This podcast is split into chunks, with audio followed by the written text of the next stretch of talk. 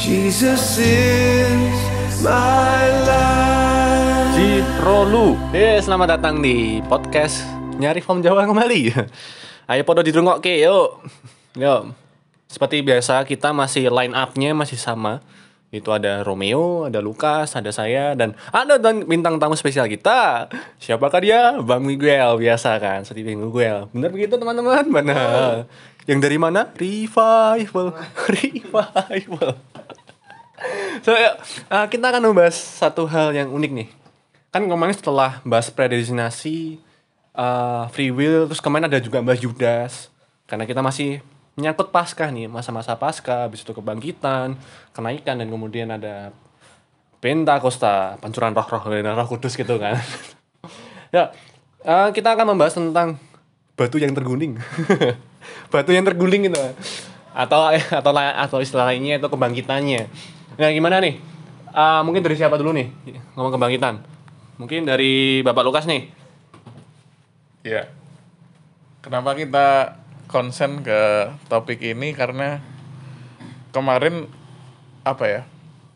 Kita kepikiran salah satu apa ya narasi yang dibangun oleh orang-orang liberal ya bahwa oke mungkin bagi mereka kalau kalaupun Kristus tidak bangkit secara secara nyata tidak bangkit mungkin Kristus hanya mati di dunia ini mereka menganggap itu adalah hal yang biasa.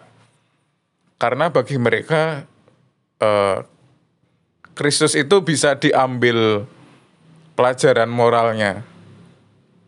Nah inilah yang menjadi apa concern kita keprihatinan kita bahwa kita mau bahas apakah ini benar gitu paham yang benar. Ini kan terlihat terlihat baik terlihat terdengar terdengar baik. Kalau misalnya Kristus itu misalnya tidak bangkit itu kan itu bisa tetap kita ambil pelajaran moralnya. Terus bagaimana cara Kristus hidup itu kan ada catatannya. Nah gitu loh. Jadi apa ya? Terus mungkin terlihat terdengar rasional juga gitu jadi kalau orang-orang modern mendengar narasi ini sepertinya narasi yang sangat masuk di logika gitu loh. jadi kan kebangkitan itu kan sangat tidak apa ya Ra, sangat tidak Masuk akal. masuk akal sulit ditangkap logika kita sebagai orang yang hidup di zaman modern gitu. nah itu itu itu itu masalahnya problemnya lalu ada apa di balik kebangkitan ini kenapa ini menjadi sangat penting bagi kita Ya, ini siapa yang mau jawab nih? Masalah yang penting atau nggak penting ya? Pasti ada pentingnya kan, karena kita kita kita Kristen, pasti ada pentingnya kan. Nah, pasti tentunya yang harus menjawab adalah tamu spesial kita. Iya, tamu spesial kita yang harus eh, sebenarnya menjawab pertanyaan ini ya, karena memang eh, sangat menarik, penting atau nggak penting sih kebangkitan itu. Ya seperti tadi Mas Lukas bilang itu tentang ya ngambil aja nilai moralnya gitu kan. Nah, tapi kan masa kita sebagai orang Kristen ya, kan kita bukan Kristen selubung. Jadi kita harus betul-betul menjelaskan juga maksud harus penting nih kebangkitan. Nah, tujuannya untuk apa sih ya? Mungkin dari Pak Miguel ini kayaknya keren juga ya. Kita akan coba eh, mendengar dari penjelasan dari Pak Miguel tentang hal ini. Silakan, Pak.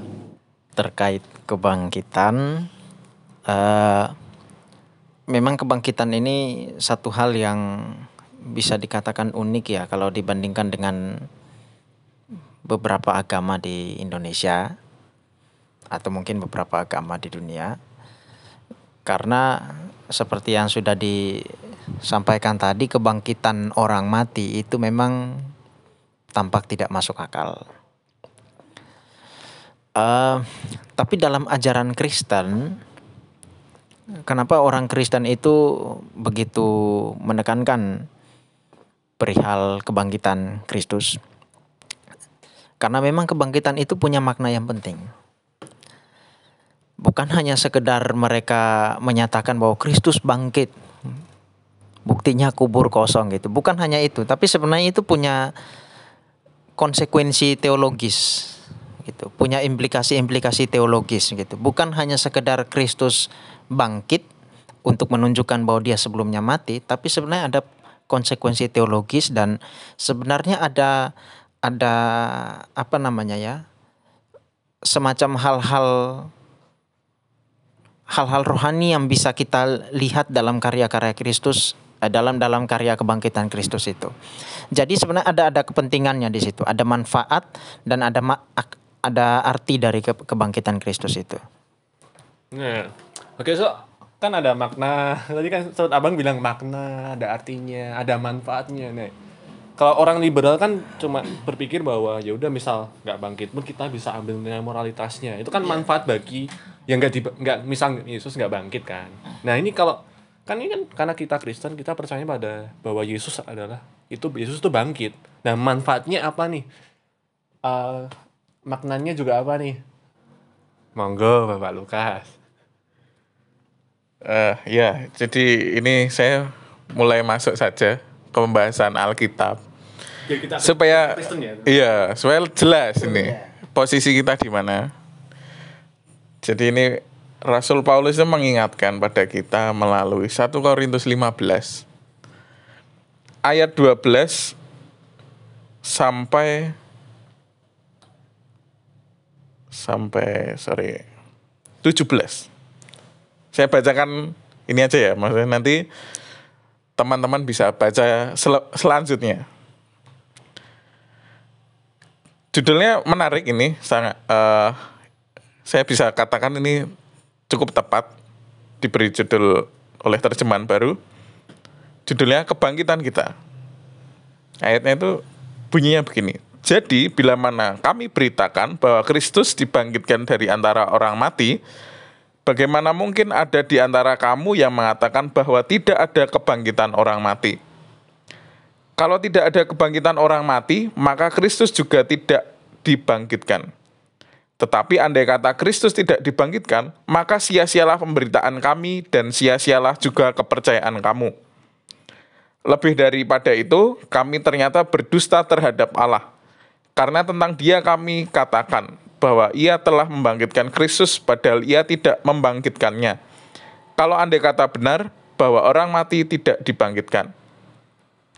Sebab jika benar orang mati tidak dibangkitkan, maka Kristus juga tidak dibangkitkan. Dan jika Kristus tidak dibangkitkan, maka sia-sialah kepercayaan kamu dan kamu masih hidup dalam dosamu. Jadi ini secara literal pun sebenarnya ini sudah mengkonter dengan Teman benar ya. uh, teman-teman liberal, sobat-sobat kita yang liberal, ini cukup mengonter mereka dengan clear. Nah, di sini kan karena kalau kita mau telaah kan sebenarnya berarti mereka itu patut kita pertanyakan apakah kita bisa menyebut bahwa orang-orang liberal itu juga bagian dari orang Kristen karena mereka tidak percaya dengan kebangkitan. Mereka meragukan. Nah, itulah yang yang apa ya? Kita harus kritis dalam hal ini. Karena kalau kita tidak percaya akan kebangkitan, maka apa? Makna dari iman kita pun hilang. Gitu.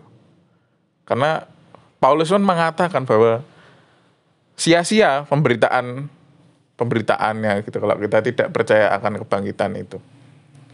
Jadi saya mau apa ya menekankan bahwa itu tadi dari kematian dan kebangkitan itu semuanya harus kita lihat secara utuh. Gitu. Nah, bagaimana dengan yang lain? Monggo.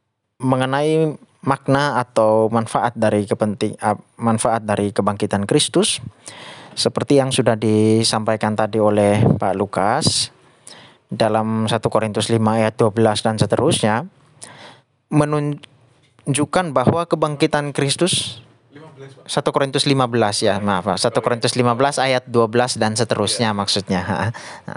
Itu menunjukkan bahwa kebangkitan Kristus itu membuktikan bahwa memberi manfaat, bukan membuktikan ya, memberi manfaat pada kebangkitan kita juga. Sebenarnya maksud dari tulisan Paulus di sini ingin menunjukkan beberapa hal, beberapa manfaat dari kebangkitan Kristus. Yang pertama bahwa kebangkitan Kristus itu merupakan satu pola yang akan diikuti oleh orang Kristen, yang akan diikuti oleh um- orang-orang percaya. Bahwa kalau Kristus bangkit dengan tubuh yang baru, maka nanti orang percaya pun akan dibangkitkan. Orang percaya yang sudah mati pun akan dibangkitkan dan diberikan tubuh yang baru sebagaimana Kristus. Itu polanya. Dan manfaat yang lainnya juga uh, kebangkitan Kristus menunjukkan bahwa maut itu kematian yang sebelumnya Kristus alami itu betul-betul telah dikalahkan. Itu kita bisa baca di dalam 1 Korintus 15 ayat yang ke uh, 55 sampai 57. Atau bisa kita baca dari ayat 54 lah supaya konteksnya jelas. Ya, ada kutipan di situ, genaplah firman Tuhan yang tertulis, maut telah ditelan dalam kemenangan, hai maut di manakah kemenanganmu, hai maut di manakah sengatmu? Sengat maut ialah dosa dan kuasa dosa ialah hukum Taurat, tetapi syukur kepada Allah yang telah memberikan kepada kita kemenangan oleh Yesus Kristus Tuhan kita. Di situ Paulus masih sementara membicarakan tentang kebangkitan Kristus. Jadi kebangkitan Kristus itu betul-betul membuktikan bahwa kematian yang telah dialami oleh Kristus dan telah dialami oleh Kristus untuk kita semua maksudnya betul-betul telah selesai dibuktikan dengan bangkitnya dia. Jadi itu manfaat dari kematian Kristus sebagai pola dan untuk menunjukkan bahwa betul-betul kemenangan itu sudah dicapai. Nah, argumen Paulus di dalam ayat 12 dan seterusnya tadi yang disinggung oleh Bapak Lukas itu membuktikan satu argumen bahwa kalau memang Kristus tidak bangkit, untuk apa kami beritakan ini semua? Nah, manfaatnya adalah itu sebenarnya manfaatnya untuk mendukung pemberitaan Injil yang dilakukan oleh Paulus dan para rasul. Kalau memang Kristus tidak bangkit, uh, hal itu tidak benar-benar terjadi. Untuk apa kami beritakan ini? Untuk apa kami beritakan Injil? Untuk apa kami beritakan Kristus? Sia-sia pemberitaan kami dan sia-sia kalian menjadi percaya. Nah, sehingga Paulus sampai mendaftarkan di situ ada banyak orang yang menyaksikan kebangkitan Kristus. Kristus menampakkan diri kepada banyak orang pada saat itu. Silahkan kalau misalnya orang-orang di Korintus mau mengecek, silahkan. Ada banyak orang yang masih hidup pada saat itu. Beberapa orang di antaranya sudah mati, tapi masih ada orang yang hidup. Silahkan ngecek. Kebangkitan Kristus itu membuktikan bahwa uh, pelayanan yang kami lakukan saat ini memang akan ada gunanya dan bahwa iman yang kalian dapatkan lewat pelayanan kami itu betul-betul iman yang betul-betul punya manfaat kepada keselamatan dan kepada hal-hal lain yang di, dihasilkan oleh Injil. Jadi itu manfaat-manfaat yang dilakukan oleh eh, yang dihasilkan oleh kebangkitan Kristus. Nah, ini menarik ya ketika kita sudah tadi mendengar tentang yang namanya itu manfaat dari kebangkitan Kristus. Jelas ini membuktikan bahwa Kristus itu memang dia adalah Allah. Dan di sini hal yang menarik lagi ya. Ini ada, ada hal yang menarik ini ya. Ketika Yesus itu dia mati dan kemudian dia bangkit apakah dia membangkitkan dirinya sendiri atau Allah yang membangkitkan dia. Nah, ini uh, pertanyaan yang memang digumuli ya oleh banyak orang tentang hal ini. Nah, jadi itu sebenarnya seperti halnya kisahnya Lazarus yang membangkitkan Lazarus yaitu Yesus. Nah, kalau Yesus mati, dia membangkitkan dirinya sendiri atau dia dibangkitkan? Nah, monggo silakan uh, Pendeta Lukas dulu. Lukas nih. Nah, itu emang banyak orang tanya sih. Bahkan ponaanku yang masih kecil itu tanya, "Om, Om, uh, Yesus tuh dibangkitin atau uh, bangkit sendiri ya?" Nah, itu nanti bisa dijawab sama Pendeta Lukas bilang gitu. Nah, pertanyaan menarik apakah Kristus membangkitkan atau dibangkitkan. Jika kita melihat uh, dari ayat ini saja, makanya yang yang yang timbul atau yang diungkapkan dengan bahasa Paulus adalah dibangkitkan. Ini menunjukkan suatu hal yang pasif ya tentunya. Apa kata pasif ya? Jadi apa? Kristus ini eh, dibangkitkan. Tapi kita eh, jangan melihat ini sebagai sebuah apa ya? kalimat atau ayat doktrinal, tetapi ini kita kalau mau melihat dibangkitkan atau membangkitkan, eh at- dibangkitkan atau Bangkit sendiri. bangkit sendiri, kita harus melihatnya dari ayat-ayat lain. Nanti mungkin bisa disampaikan oleh Pak Miguel. Nah, tetapi satu hal yang ingin ditekankan oleh Paulus bahwa inilah yang menjadi kepercayaan jemaat di Korintus. Inilah yang menjadi kepercayaan jemaat waktu itu. Bahwa Kristus memang dibangkitkan. Nah, kita harus melihatnya juga eh dibangkitkan ini adalah satu karya yang utuh dari Allah Tritunggal. Begitu. Jadi nanti mungkin ada pertanyaan kalau dibangkitkan apakah Yesus tidak bisa membangkitkan dirinya sendiri? Nah, nanti bisa dijawab dengan dukungan ayat-ayat lain yang akan disampaikan oleh Pak Miguel. Bapak tua ini. Nah, jadi kita juga harus melihatnya satu apa Alkitab secara lengkap, utuh, secara komprehensif. Gitu. Bisa ditambahkan Pak Miguel bagaimana pendapatnya? Eh, mengenai ayat yang menyatakan bahwa Kristus dibangkitkan memang karena kalimatnya bentuk pasif dalam katanya di situ maka kesan yang kita dapatkan bahwa Yesus itu dibangkitkan oleh sesuatu atau oleh pribadi di luar dirinya sendiri. Dan kalau seperti itu maka mungkin saja ada orang yang mengatakan bahwa eh, Natur Allahnya Yesus itu hilang. naturalnya Yesus itu hilang. Yesus bukan Allah, jadi dia tidak bisa membangkitkan dirinya sendiri. Nah, kalau dilihat dari 1 Korintus pasal 15 saja dengan jelas di ayat 4 mengatakan bahwa ia telah dikuburkan, bahwa ia telah dibangkitkan pada hari yang ketiga sesuai dengan yang sesuai dengan kitab suci. Kalau dari ayat itu saja dan hanya terbatas pada 1 Korintus 15, maka ya jelas bahwa Yesus dibangkitkan.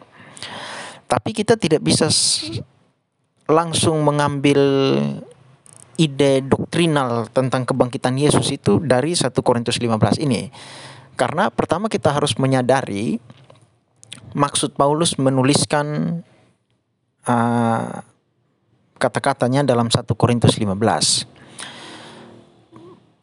Kalau kita baca dari ayat yang pertama di situ akan jelas bahwa Paulus sebenarnya hanya ingin menyampaikan apa yang sudah dipercayai atau apa yang sudah didengar oleh jemaat-jemaat Korintus. Jadi ini Paulus hanya sekedar menyatakan fak menyatakan fakta-fakta tentang ajaran yang sudah didengar oleh jemaat Korintus dan ajaran yang sudah sampai juga padanya. Jadi ini semacam satu kita katakan tradisi lah yang sudah disampaikan pada pada Paulus dan sudah didengar oleh jemaat-jemaat Korintus bahwa faktanya realitanya adalah Kristus dikuburkan dan realitanya Kristus dibangkitkan. Kalau ini hanya sekedar laporan realita, ketika kita misalnya coba kita posisikan diri sebagai orang yang uh, melihat kebangkitan orang mati. Apakah kita akan menyatakan bahwa dia dia membangkitkan dirinya sendiri? Tidak mungkin. Sebagai mm, orang biasa dalam pandangan manusia normal kita akan menyatakan bahwa dia dibangkitkan. Karena yang kita lihat Yesus itu sebagai manusia gitu. Tubuh manusianya maka kita akan menyatakan bahwa dia dia dibangkitkan dari antara orang mati dengan pemikiran bahwa Allah membangkitkan dia. Itu pemikiran yang umum sekali dan wajar untuk pemikiran pemikiran seperti itu. Sehingga dengan kepercayaan seperti itu adalah wajar kalau tradisi yang kemudian disampaikan pada Paulus, berita yang didengar oleh jemaat di Korintus adalah berita yang normal. Yesus dibangkitkan dari antara orang mati. Jadi Paulus hanya sekedar menyatakan realitanya bahwa Yesus dibangkitkan. Paulus tidak tidak di sini Paulus tidak bermaksud untuk membuktikan kebangkitan itu. Tidak. Dan Paulus tidak tidak ingin membangun satu doktrin tentang kebangkitan di sini, tidak. Paulus ingin menyatakan adanya realita tentang kebangkitan Yesus. Sehingga di situ sekali lagi saya katakan kan di situ Paulus sampai menyatakan kalau kalian tidak percaya tanya kepada orang-orang yang masih saksi mata yang masih hidup itu. Karena dia ingin menyatakan realita, bukan menyatakan masalah doktrin. Nah, itu mengenai uh, 1 Korintus pasal 15. Kalau kita mau menyatakan membahas secara khusus tentang apakah Yesus membangkitkan dirinya sendiri atau Yesus dibangkitkan oleh oleh pihak lain di luar dirinya, maka itu membuktikan dukungan dari ayat-ayat kitab suci yang lain. Kalau kita membaca di dalam uh, beberapa ayat seperti Roma 8 ayat 11 dan jika roh dia yang telah membangkitkan Yesus dari antara orang mati dan seterusnya. Maka di situ jelas Paulus yang menulis surat Roma mengatakan bahwa yang membangkitkan Yesus adalah Roh Kudus. Dan jika roh dia yang telah membangkitkan Yesus dari antara orang mati. Itu yang pertama.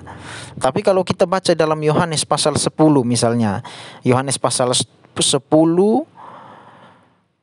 ayat 17 sampai 18 Bapa mengasihi aku oleh karena aku memberikan nyawaku untuk menerimanya kembali. Dan juga dalam Yohanes 2 ayat 19 sampai 22 ketika Yesus bersoal jawab dengan beberapa orang. Di situ Yesus mengatakan rombak bait Allah ini dan dalam tiga hari aku akan mendirikannya kembali.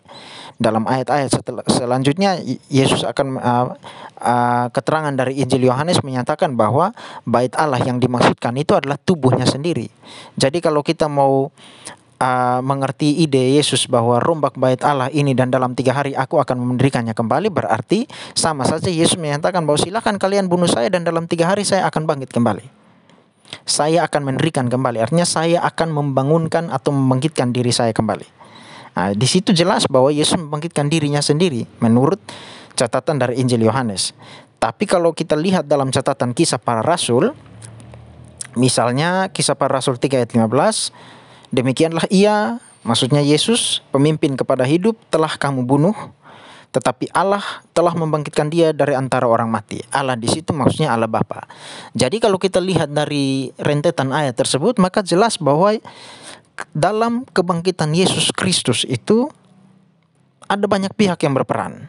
Allah Bapa membangkitkan Yesus, Roh Kudus juga membangkitkan Yesus dan Yesus juga membangkitkan dirinya sendiri. Kalau kita dalam konsep kekristenan kita katakan bahwa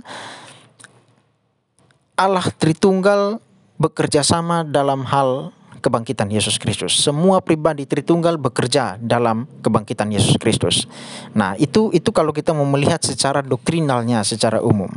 Tapi kita tidak boleh mengharapkan hal doktrinal itu disampaikan oleh Paulus dalam 1 Korintus 15 karena maksud Paulus bukan membahas hal doktrinal di situ, tapi hanya menyatakan realita berdasarkan berita yang sudah disampaikan.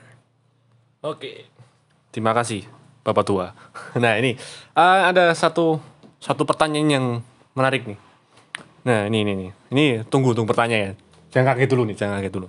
Nah, pertanyaannya adalah uh, penebusan dosa itu itu itu di mana sih? Di kebangkitan. Kan ada yang ngomong bahwa ketika kebangkitan terjadi penebusan, ketika kematian itu penebusan sudah ada. Nah, itu yang itu yang benar gimana sih? Ini siapa nih yang mau jawab nih? Bapak Lukas atau Kayaknya Lukas. Oh, Lukas ya. ini, ya. Untuk kali ini Lukas. Ya, gimana Lukas? Ya oke. Ini jawaban dari saya ket- ketika menjawab eh di mana posisi tadi apa? Kematian. Karya penebusan itu Karya di mana? Oh, karya penebusan itu di mana? Oke. Karya penebusan itu jelas bahwa ketika apa? Kristus di kayu salib dia mengatakan selesai, finish. Nah, di situlah karya penebusan itu selesai. Maksudnya di situlah Yesus menyelesaikan karya penebusannya. Hanya saja ketika Yesus bangkit, maka ini adalah suatu bentuk apa ya? Bahwa mungkin bahasa kerennya itu sudah diverifikasi. Jadi dalam karya Allah Tritunggal itu Bapa sudah menerima karya penebusannya.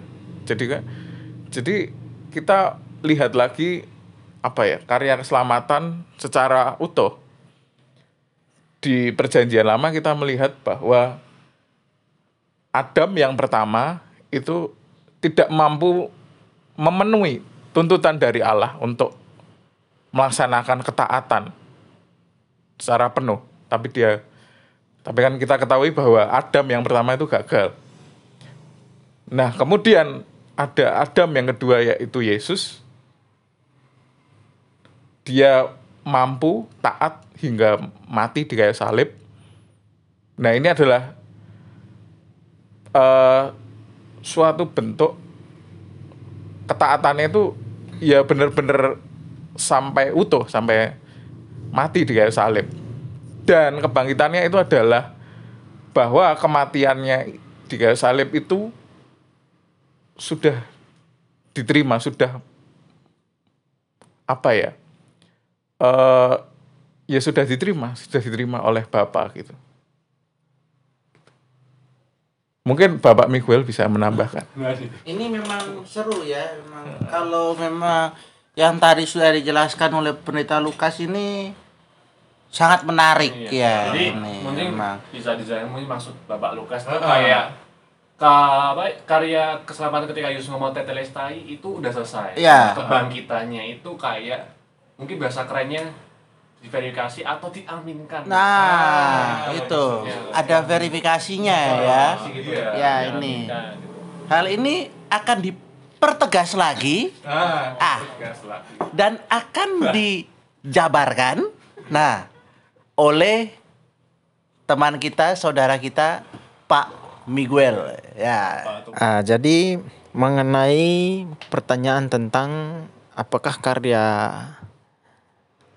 penebusan Kristus itu ada pada saat kematian atau pada saat kebangkitannya. Nah, seperti yang sudah tadi disampaikan oleh Pak Lukas, saya rasa sudah sangat jelas itu bahwa ya sederhananya memang begitu. Ketika Yesus mati, ya sudah terjadi penebusan. Nah, terjadi penebusan dan kebangkitan Yesus itu sebagai verifikasi ya, verifikasi dari Allah Bapa bahwa penebusan itu telah diterima. Sederhananya memang seperti itu. Nah, tapi kalau kita mau mau melihat mau melihat ah, pertanyaan itu sebenarnya ini pertanyaan yang punya banyak perspektif di dalamnya. Karena kita harus mendefinisikan lagi ini apa namanya? Yang yang dimaksudkan dengan karya penebusan di situ itu yang mana? Karena masing-masing orang pasti akan memiliki sudut pandang sendiri gitu. Kalau yang kita maksudkan bahwa karya penebusan itu bahwa Yesus telah selesai membayar semua hutang dosa ya cukup. Kita berhenti pada saat kematian selesai. Nah, kalau seperti itu. Tapi kalau orang berpikir bahwa karya penebusan itu adalah uh, Yesus menebus dan memang harus ada bukti penebusan itu selesai, maka kita harus melangkah lebih jauh bahwa selesainya pada saat kebangkitan. Karena membutuhkan bukti kalau perspektifnya seperti itu. Nah, karya penebusan Kristus itu seperti gini. Um, ketika Yesus menderita di kayu salib, kemudian setelah itu berkata tetelestai, semuanya selesai, kemudian mati, sudah pada saat itu Yesus betul-betul menjadi korban. Kita kan sering kali mendengar ungkapan Yesus itu anak domba Allah yang dikorbankan. Ya, itu Yesus menjadi korban, korban penghapus dosa. Sudah selesai di situ. Korbannya sudah di, sudah sudah di sudah ada, korbannya sudah mati dan sebagaimana gambaran-gambaran dalam perjanjian lama kalau korbannya mati sudah selesai. Penebusannya telah selesai di situ. Tetapi kemudian di dalam kematian Yesus itu kemudian beberapa hari ke beberapa hari setelahnya Yesus bangkit. Ini untuk menunjukkan bahwa satu, kematian Yesus yang sebelumnya terjadi itu betul-betul adalah kematian untuk orang lain. Kalau Yesus terus-terus mati di dalam kubur, maka mungkin saja secara teologis orang akan berpikir begini, oh dia mati untuk dosanya sendiri. Dia mati karena dosanya sendiri. Nah, kebangkitan dia dari antara orang mati menunjukkan adanya perkenanan Allah terhadap Yesus sebagai orang yang benar. Sehingga kematian Yesus itu betul-betul bukan karena dosa dia sendiri. Eh, bu- bu- bukan bukan karena dosa Yesusnya, bukan, tetapi karena orang lain yang ia gantikan. Nah, seperti itu. Sehingga kebangkitan Yesus itu membawa satu satu apa ya namanya? keyakinan bahwa betul-betul Yesus menebus orang-orang selain dirinya gitu dan bahwa dirinya benar, tidak ada salah. Nah, jadi kita bisa katakan secara sederhana bahwa kematian Yesus itu betul-betul menebus, tetapi kebangkitannya menunjukkan perkenanan Allah bahwa Yesus itu benar dan bahwa kematiannya untuk mendatangkan manfaat bagi orang lain, bukan bukan karena kesalahan Yesusnya. Kemudian kita juga bisa melihat bahwa eh, kebangkitan Yesus, kebangkitan Yesus itu eh, menjadi satu tanda bahwa kematian yang sudah dialami oleh Yesus itu telah selesai. Nah, kematian yang sudah dialami oleh Yesus itu uh, telah telah selesai. Hukuman dosa itu maut. Menurut surat-surat yang disampaikan oleh uh, surat-surat yang ditulis oleh Rasul Paulus, hukuman dosa adalah maut. Kalau begitu ketika Yesus sudah mati menggantikan uh, manusia dan dia sudah mengecap maut itu, nah, maka setelah itu untuk menunjukkan bahwa penebusan itu betul-betul telah selesai, maka dia harus bangkit.